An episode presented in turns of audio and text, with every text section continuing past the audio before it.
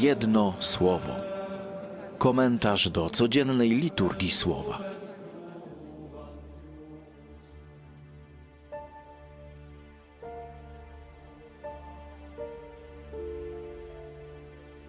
Słowa Ewangelii według świętego Łukasza. Jezus rozradował się w Duchu Świętym i rzekł: Wysławiam Cię, Ojcze, Panie nieba i ziemi, że zakryłeś te rzeczy przed mądrymi i roztropnymi, a objawiłeś je prostaczkom. Tak, Ojcze, gdyż takie było Twoje upodobanie. Ojciec mój przekazał mi wszystko. Nikt też nie wie, kim jest syn, tylko ojciec, ani kim jest ojciec, tylko syn i ten, komu syn zechce objawić.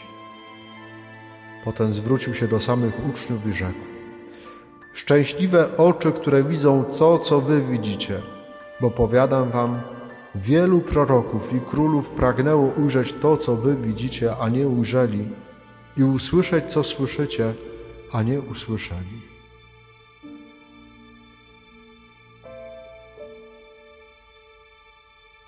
Jedno słowo.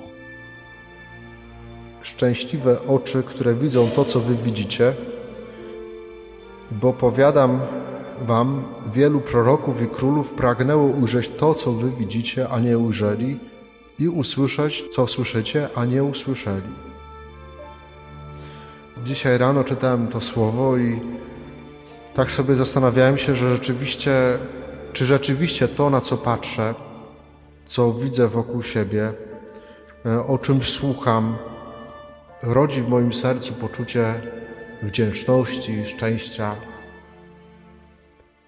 Doświadczenie, mam wrażenie, że doświadczenie wielu z nas jest dokładnie przeciwne.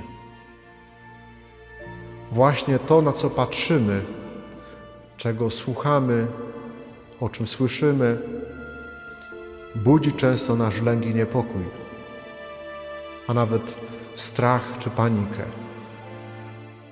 doświadczenie biedy, cierpienia, wojen, choroby, co róż pojawiające się informacje o nadchodzącym końcu świata,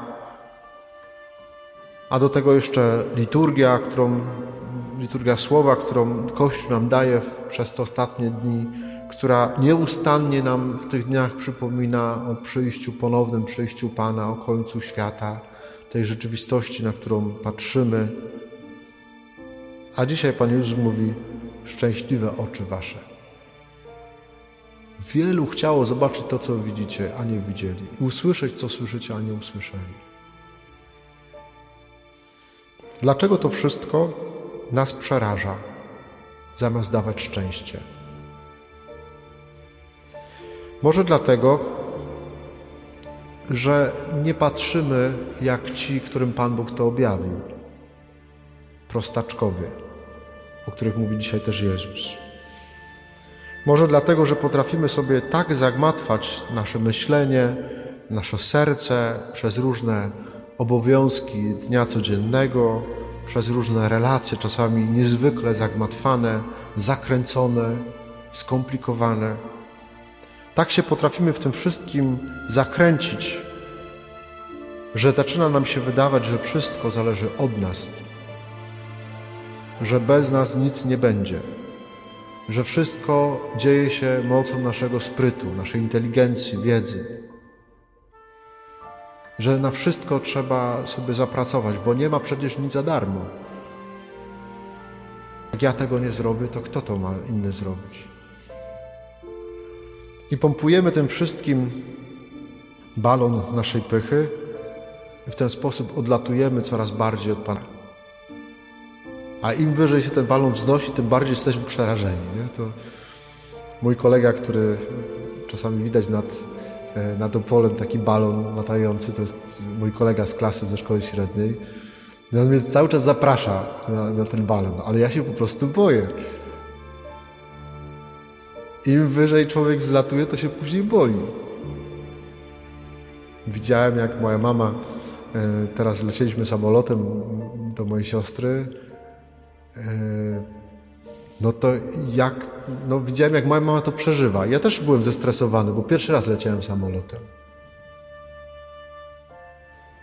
I może być tak, że te Oczywiście tak symbolicznie, że te wszystkie obowiązki, e, to wszystkie takie skomplikowania w naszym życiu, e, które też powodują, że ta nasza pycha, paradoksalnie nasza pycha wtedy wzrasta.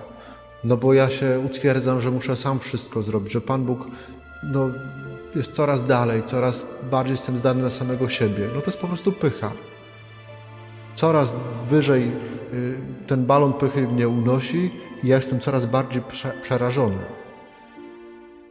bo mogę spaść. A Pan Bóg przecież objawił to wszystko prostaczkom, ubogim, tym ostatnim, którzy całkowicie zdają się na Niego. Oni są świadomi tego, że tak naprawdę wszystko w ich życiu zależy od Pana Boga. W Nim, w Panu Bogu ma swoje źródło. Praca też jest potrzebna i wiele razy już to tu mówiłem, że, że to nasze zaangażowanie jak najbardziej jest potrzebne. Ale tak naprawdę wszystko ma swoje źródło w Panu Bogu. Może właśnie o to chodzi w Adwencie, żeby uprościć wszystko, co się da. Nie chodzi o to, żeby zbanalizować czy spłycić, pozbawić jakiejś głębi, ale uprościć. Szczerością, uczciwością, otwartością, pragnieniem spotkania, o którym wczoraj mówiłem, jakąś ofiarnością dla drugiego człowieka, w służbie drugiemu człowiekowi. Maryja, która przyjmuje słowo i, i idzie do Elżbiety po to, żeby się z nią spotkać, żeby jej usłużyć. W bardzo prosty sposób. Tam jest tyle prostoty w tym. Uprościć to wszystko jakimś wzajemnym zaufaniem, wyjściem do drugiego człowieka. Bez kombinowania, bez, bez dorabiania jakichś wielkich e, teologii.